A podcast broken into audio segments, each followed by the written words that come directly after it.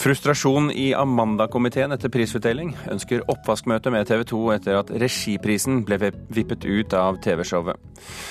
Kjell Erik Kiri Olsen vil samle 1000 av sine egne verk i et stort kunstsenter i Trondheim. Gir det som gave til sin hjemby. Og vår anmelder er ikke imponert over Bjørn Eidsvågs Jesus teater. Det hører hjemme på bedehusturné, mener hun. Ja, dette er toppsakene i dagens utgave av eh, Kulturnytt. I natt ble MTVs eh, Video Music Awards delt ut for 31. Eh, gang.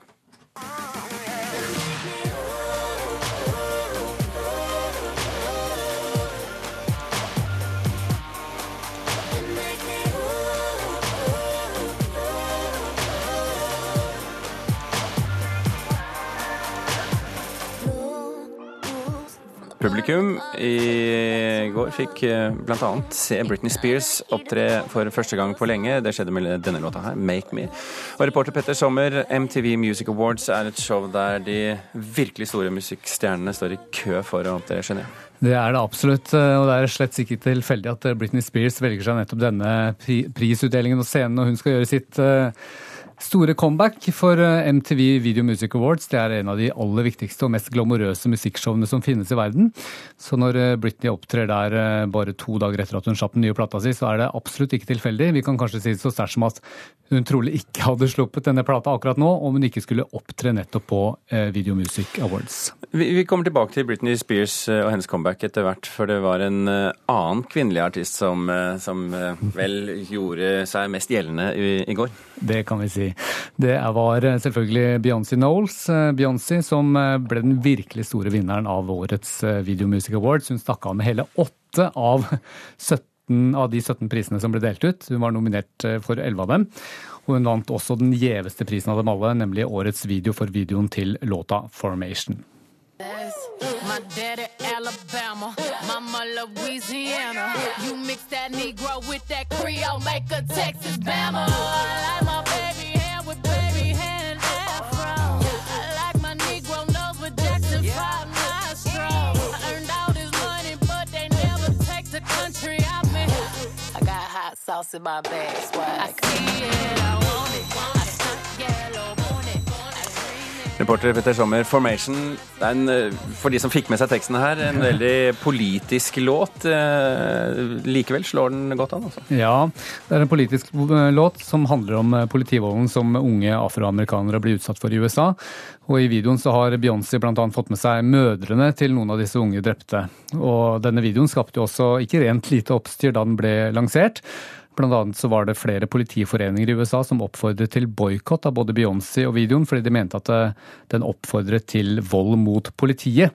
Så da disse mødrene gikk side om side med en veldig alvorlig eh, Beyoncé da hun ankom Madison Square Garden i New York i natt, så var det nok flere som ble provoserte. Ja, og hun klarte å provosere folk også da hun opptrådte på Superbowl med, med samme hva skal vi kalle det, politiske prosjektet. Det stemmer. Men hva slags show er egentlig MTV Music Awards uh, blitt? Uh, Eh, det har jo holdt på siden 1984, eh, altså 31 år, og ble startet i en tid da musikkvideo var eh, noe nytt og kult, og MTV nærmest var enerådende på feltet. Så nå, da, etter noen vanskelige år, så har Video Music Awards fått en ganske stor oppsving, fordi folk nå igjen har begynt å se på musikkvideoer igjen, og nå kan man jo også strømme dem gratis på nettet, så det er vel en del av årsaken. Petter Sommer, takk for at du orienterte fra MTV Video Music Awards. Eh, vi skal eh, holde fast, som vi sa, litt i, eh, Britney Spears. I'm gonna ask you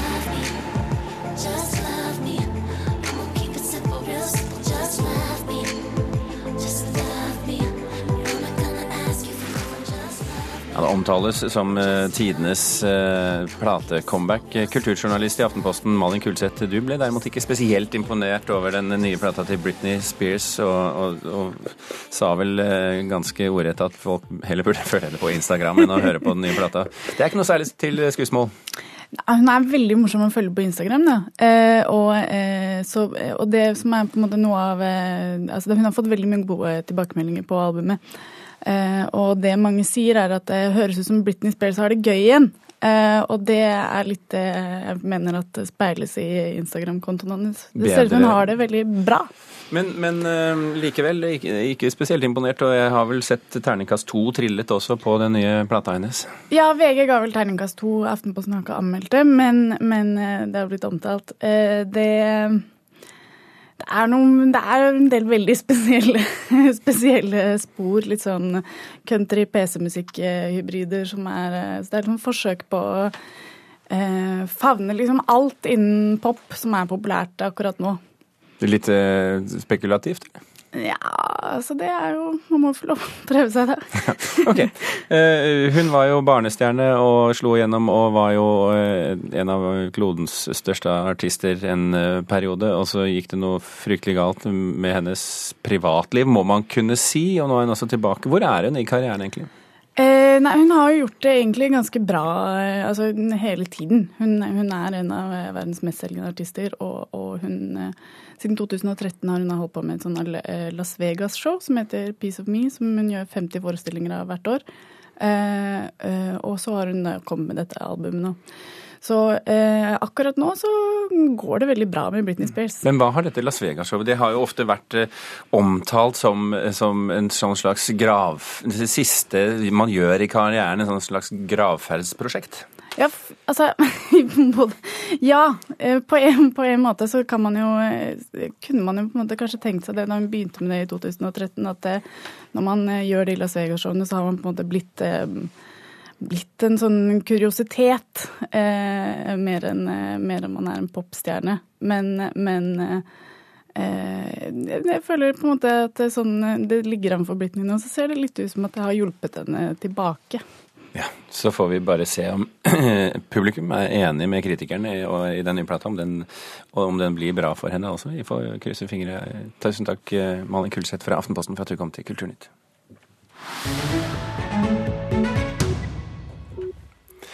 Medlemmer av Amanda-komiteen sier de er sjokkerte over avgjørelsen om å droppe regiprisen på årets TV-sending fra Amanda-prisutdelingen under filmfestivalen i Haugesund.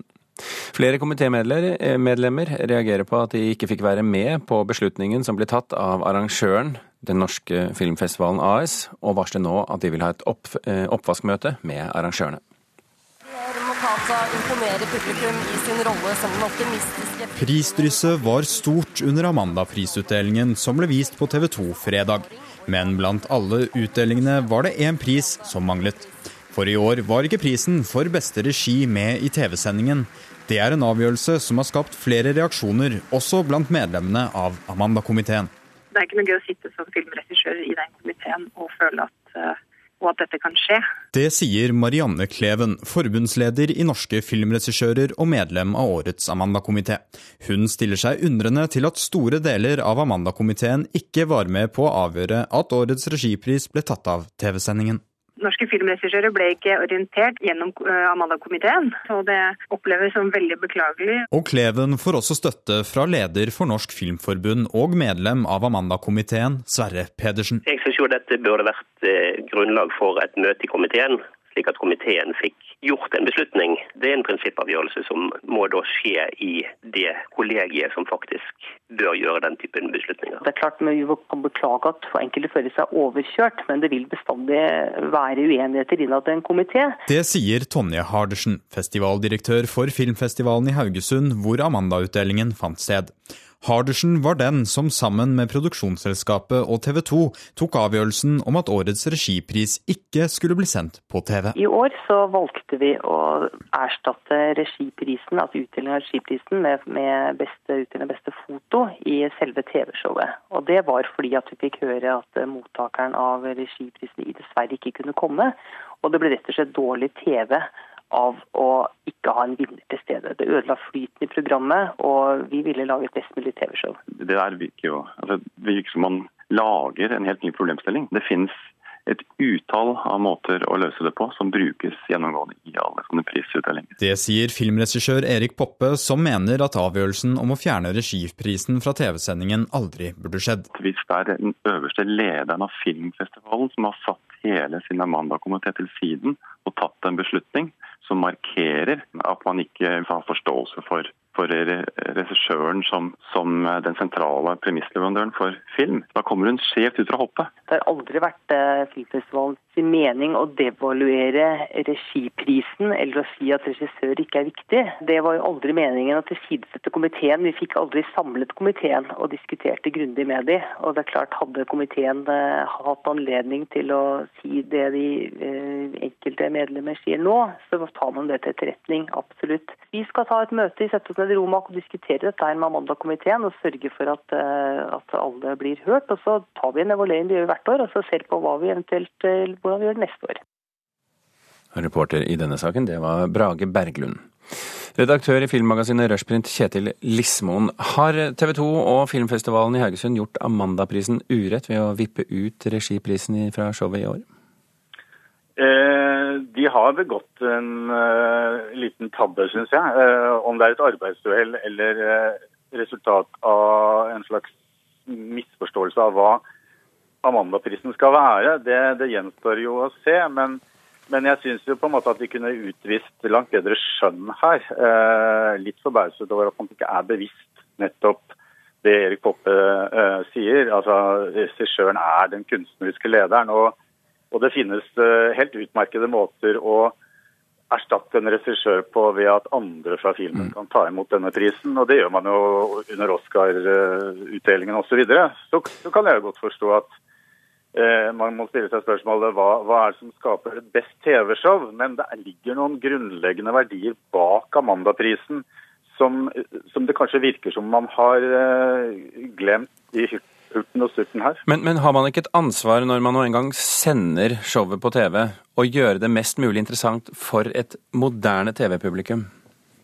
Ja, men jeg tror at eh, altså, filmregissøren er så uh, fundamentalt viktig for en filmproduksjon at du kan rett og slett ikke ta uh, denne ut av Eh, et, en prisutdeling, altså TV-sendt prisutdeling. Eh, men, men, man snakker jo ikke om å ta den ut av prisutdelingen, man snakker om å ta det bare ut av selve TV-showet?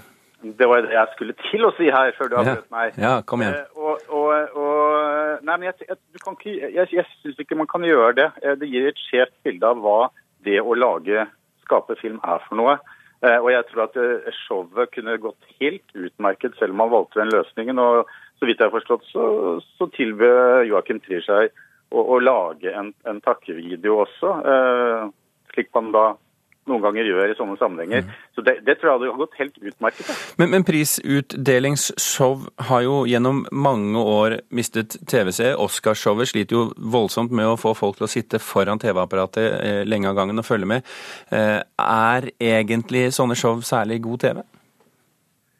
Eh, jeg tror at TV-seerne er vel litt uenige med seg selv om det. Eh, altså, Oppslutningen om showet har vel kanskje ikke vært imponerende. Men ja, det er klart, dette er viktig for bransjen fordi man blir synlig på en måte man sjelden ellers blir. Eh, så, men, men, samtidig så har man jo da et sånn ambivalent forhold til det, fordi det skal være snappy entertainment samtidig som det skal være en verdig hyllest av prisvinnerne. Og, og, jeg tror man på en måte ikke helt har greid å få det beste av begge verdener. Eh, og det vil man vel kanskje aldri få heller. Sånn at eh, det vil til enhver tid være diskusjon om, om showet og om i hvert fall i, i filmbransjen, eh, om, om, folk flest bryr seg så veldig. Det, det er en annen sak. Kjetil Lismoen, tusen hjertelig takk for at du var med oss her i Kulturnytt på morgenkvisten. Klokken er 17 minutter over åtte. Du hører på Kulturnytt, og dette er toppsakene i Nyhetsmorgen nå. Menn som misbruker barn, er ofte unge. Halvparten av dem mellom 15 og 24 år, viser ny rapport. Jonas Gahr Støre har vært borte på 30 av 32 komitémøter det siste året, men jeg driver ikke tank, sier han eh, til eh, oss. Og privatpersoner som leier ut hjemmet sitt på Airbnb, kan få en kraftig skattesmell.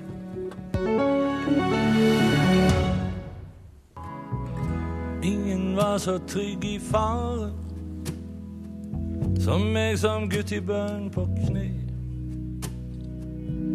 Jesus og hans engleskare sørga for det. Her hører vi Bjørn Eidsvåg synge sin nye låt 'Ingen var så trygg i fare', som åpnet forestillingen 'Etterlyst', kolon 'Jesus' ved Det Norske Teatret. En forestilling der Eidsvåg sammen med skuespiller Svein Tindberg legger ut på en slags Jesusjakt. Og Karen Frøsland Nystøl, teaterkritiker her i NRK. Hvordan gikk den jakten? Ja, det var vel egentlig en lite overraskende jakt og en lite overraskende forestilling. Altså Bjørn Eidsvåg, som har skrevet manus her, han gjør det han kan aller best. Skreller vekk lag på lag og står igjen med en eller annen kjerne, noen momenter som han kan holde fast ved. Forestillinga er hans trosreise fra liten gutt som gikk på bedehuset i Sauda, via studiet ved Menighetsfakultetet i Oslo og til hans virke som prest. Og Jesus-skikkelsen, Jesus-bildet, har endra seg for han eh, og i samfunnet og i løpet av denne tida. Og i tillegg så er dette en forestilling som tar for seg Jesus-framstillinga i kirkehistoria. Det er en slags trosopplæring. Så det er tungt stoff, det er mye stoff, men det er samtidig levert med en slags, eh, en slags letthet. Um, jeg må si at jeg hadde vel egentlig aldri trodd at jeg skulle få høre den kjente bedehussalma 'Navnet Jesus blekner aldri', sunget ut uten ironi i teatret. Jeg hadde heller ikke sett for meg at dette publikummet skulle sitte og klappe takter når Bjørn Eidsvåg synger 'onani, onani'. Så det, den forestillinga byr på veldig mye. Men da kommer spørsmålet selvfølgelig. Fungerer dette for publikum? Jeg, for min egen del så skjønner ikke jeg hvorfor de laget et teaterstykke av dette her. Jeg skjønner ikke hvorfor de setter det opp på en sånn stor scene, for dette er Skal man lage teater av det, så krever det Det er vel eh, fordi det er Bjørn Eidsvåg, da? Ja, men, men, er det godt nok? Eh, denne forestillinga, som Abrahams barn òg for så vidt, krever intimitet. Det krever et annet format. Og når Eidsvåg slår inn åpne dører, når han avskaffer arvesynd og jomfrufødsel og, og de fleste dogmer, så er det vel knapt et hode i salen som er uenig med han. Så han, han kommer til sine egne. Han synger for sin menighet her. Så det jeg tenker eh, som jeg satt og tenkte det, så det er send dette stykket ut på bedehusturné. Um, først, dette, altså dette stykket krever en slags motstand, syns jeg. Um, det lever ikke før det spilles på bedehuset i Sauda, rett og slett. Og så er det én ting til som jeg reagerer på, og det er at det er jo menn som står bak så å si alt her. Det er bare menn på scenen, en mannlig regissør, en mannlig dramaturg, og kvinnene har vært med på, eh, på eh, kostyme, maske og scenografi. Altså det er jo som tatt ut av en bedehussetting, der kvinnene ordner det, det, estetiske, og mennene står for resten. Men er ikke så det litt sånn i den kristne tradisjonen, egentlig? Ja, men er det ikke dette Eidsvåg er ute etter å bryte, da? Altså, jeg savner virkelig et kvinneperspektiv inn i, i denne forestillinga, for det er skrikende fraværende. Karen Frøsland Nystøl, takk skal du ha.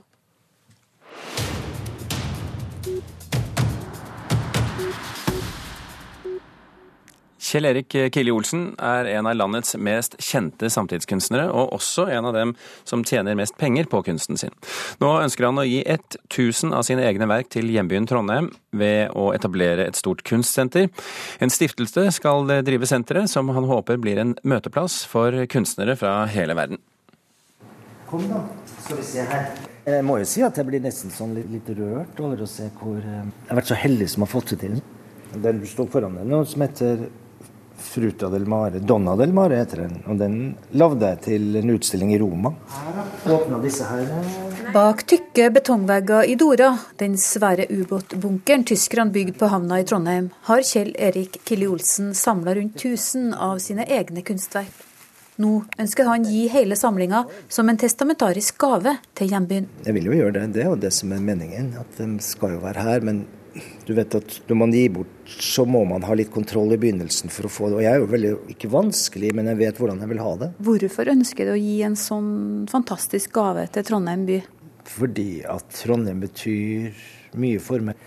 Jeg lager ikke dette som noe mausoleum overfor meg, nei. Det skal være Så lenge jeg lever, og så lenge jeg har guts, så skal dette bli et samtalested for kunst Alt skal plasseres i et eget kunstsenter, som skal være et møtested og by på utstilling av kunstnere fra hele verden. Drømmen min er å finne et eh, sted i Trondheim som skal være en dialog mellom min kunst, mellom mine kolleger som jeg kjenner, mellom dem som jeg ikke vet om, men også for de unge som ingen har har noe plass å stille ut i denne byen. Og jeg skal jo finansiere alt dette selv, så det er jo ikke noe, jeg skal jo ikke ha noe almisser. Kunsthistoriker og konservator ved Trondheim kunstmuseum Katrine Hovdal Vik bistår Killi Olsen med å katalogisere samlinga. Det er en stor jobb som ikke er fullført ennå men er godt i gang. Og det er mange tiår med kunstverk eller produksjon som skal kartlegges. Det er både skulpturer og malerier, skisser, tegninger, grafikk. Eh, og det oppsummerer nok på mange måter hele kunstnerskapet hans. Hvordan vil du beskrive han som kunstner? Ærlig og rå. Og behandler flere tabubelagte emner. Men ganske rørende mange av skulpturene hans også? Veldig rørende. Veldig sårt, syns jeg. Og han behandler jo annerledeshet eh, gjennom hele kunstnerskapet sitt. Det å være annerledes, det å ha annerledes barn. Jeg tenker Katrine disse her, vet du, det er jo veldig stønete her. Da. I en garasje like ved Dora har han jobba i hele sommer. For etter at mangeårig samarbeidspartner Kåre Berntsen døde, har han kjøpt tilbake mange verk og flere store skulpturer er nå pussa opp. Så når jeg åpner opp de kassene, så er det mange jeg ikke har sett på evigheter. Da. Og så har jeg nå da satt dem tilbake som de var. F.eks. den skulpturen der var laget i begynnelsen av 80-tallet. Den ble kjøpt inn av, av Apotekerforeningen i Oslo. Og det var så mye rabalder at de nektet å gå i kantina. Og da var det en fantastisk flott dame som drev Løveapoteket i Kristiansund, som heter fru Dyb. Jeg kjøper den. Og så hadde hun den i apoteket, og den hang sånn som det her. Husk på, dette her er mange år siden. Og da, pga. den der pikken, var det så mye for folk. Og da sier det mer om folk enn om min skulptur. Nå skal denne og alle de andre drøyt 1000 kunstverkene få nytt hjem, og han har lett etter egna lokale i hele sommer. Minimum 1000 kvadrat, og helst 1500, for vi må ha lager. Dette er ikke for meg, dette er for oss. Det, kommer, det går bra. Vi får det til. Ikke sant, Katrine? Ja, det sa Kjell Erik Killi Olsen til vår reporter eh, som var Grete Tobro. Og så til Mozart. Han rundet av Oslo Kammermusikkfestival på lørdag.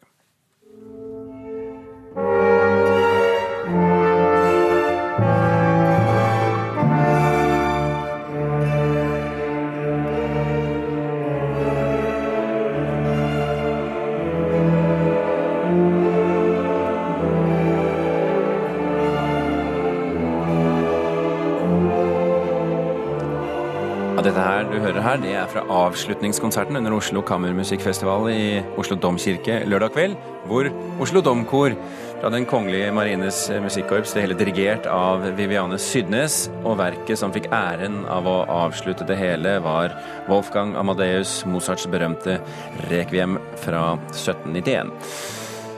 Musikkritiker Øystein Sandvik, ble det en god avslutning på årets kammermusikkfestival? Det ble en sterk og solid eh, fremføring av Mozarts rekviem i en konsert som da åpnet med et verk av John Taverner, hans rekviemfragmenter fra 2013. Et av de siste verkene han rakk å skrive før han eh, døde, og et av hans beste verker eh, også. Så en rekviem fra slutten og en rekviem fra starten, så å si? Ikke sant. Men det var jo da dette Mozart-rekviet som sto i, i, sentrum her. Et, et sammensatt ensemble. Oslo Domkor, og det var Oslo Kammer kamerat som eh, spilte på strykeinstrumenter, og så var det da forsterka med blåsere fra Den kongelige marines eh, musikkorps. Og det hele da toppet av en solistkvartett, hvor vi da igjen fikk gleden av å høre vår etter alt å dømme kommende operastjerne bror Magnus Tødenes, og det hele da dirigert av eh, Vivianne Sydnes, som Um, holdt et stramt og dramatisk grep om denne musikken. Det var en tolkning av Rekviem som, som vektla kanskje det ubønnhørlige og skjebnetunge ved døden, mer enn det mystiske og utgrunnelige. Så mye, mye driv og høyt tempo. Eh, kanskje ikke så mye rom for refleksjon i de langsommere satsene, men i hvert fall så fremstår da Oslo Domkor, hennes kor, som mer disiplinert og presist enn noen gang. Mm. Hvis vi ser bort fra en barnekonsert som skal i Operaen 23.10, så var dette her avslutningen på Oslo Kammermusikkfestival. Og da må man jo spørre, hvordan har denne festivalen vært eh, i sin helhet? Det har først og fremst vært mange konserter av eh, høy kvalitet, både med norske og internasjonale musikere i ilden. Størst stjernestatus hadde kanskje de to fiolinistene Pinkas Sokeman og Arabella Steinbacher, hvor den, hvor den, første egentlig var en skuffelse for min del, men hvor sistnevnte sto frem som en veldig solid uh, journalist. Uh, så har det også vært litt sånn mer, mindre, litt bortgjemte, mer bortgjemte ting. F.eks. en serie med konserter viet lider av Robert Schumann, hvor vi altså har hørt flere av våre fremste, hvor da tre av dem var solister nå på lørdag kveld. Nevnte bror Magnus Tødenes, i tillegg til da Marianne Beate Kielland og Lina Jonsson. Hvilken posisjon vil du si nå eh, Oslo Kammermusikkfestival har eh, ved siden av de andre eh, kammermusikkfestivalene i landet? Den har en veldig solid posisjon. altså Den har på en måte institusjonalisert seg som en veldig sterk, en, en, en ganske stor og bred kammermusikkfestival. Og, og, og pga. den gode programmeringa og den gode teften i valget av musikere og ensembler, så utgjør den faktisk en ganske sterk konkurrent til de mer kanskje litt spissa festivalene som du har f.eks. i Risør og i eh, Stavanger. Men den kunne ha gjort litt mer Det er en relativt tradisjonell festival. Den kunne ha gjort litt mer for å utfordre konsertformen Litt mer dristig repertoarvalg. Det er ikke veldig mye ny musikk, f.eks. Og også kanskje utvida litt uh, stedene man har konserter på. Man er veldig flink til å bruke byen i Oslo vest, men man kunne savna litt mer bruk av uh, noen fine lokaler litt mer østover. Eh, vi, vi, skal, vi rekker å spille litt av Toba Mirum fra Requiem til slutt, Øystein. Du snakket om disse fire solistene. Hva skal vi høre etter her? Nei, altså Dette er jo en kvartett som gjør det veldig sterkt. Altså, vi har, det er til dels verdensklasse over dette. Mezzosopran Marianne Beate Kielland er helt fabelaktig innenfor dette faget. Mye brukt både nasjonalt og internasjonalt og på plate. Men også Lina Jonsson, sopranen, eh, gjør det veldig sterkt innenfor dette Mozart-faget. Vakker stemme, veldig flott eh, frasering. Så er det bror Magnus Stønes, vår kommende heltetenor. Sikter seg inn mot det mer italienske operafaget, men flott å høre på han også. Og så er det da Håvard Stensvold som gjør en solid jobb i Boss-partiet. Og nå håper jeg vi får høre bitte lite grann også helt til slutt.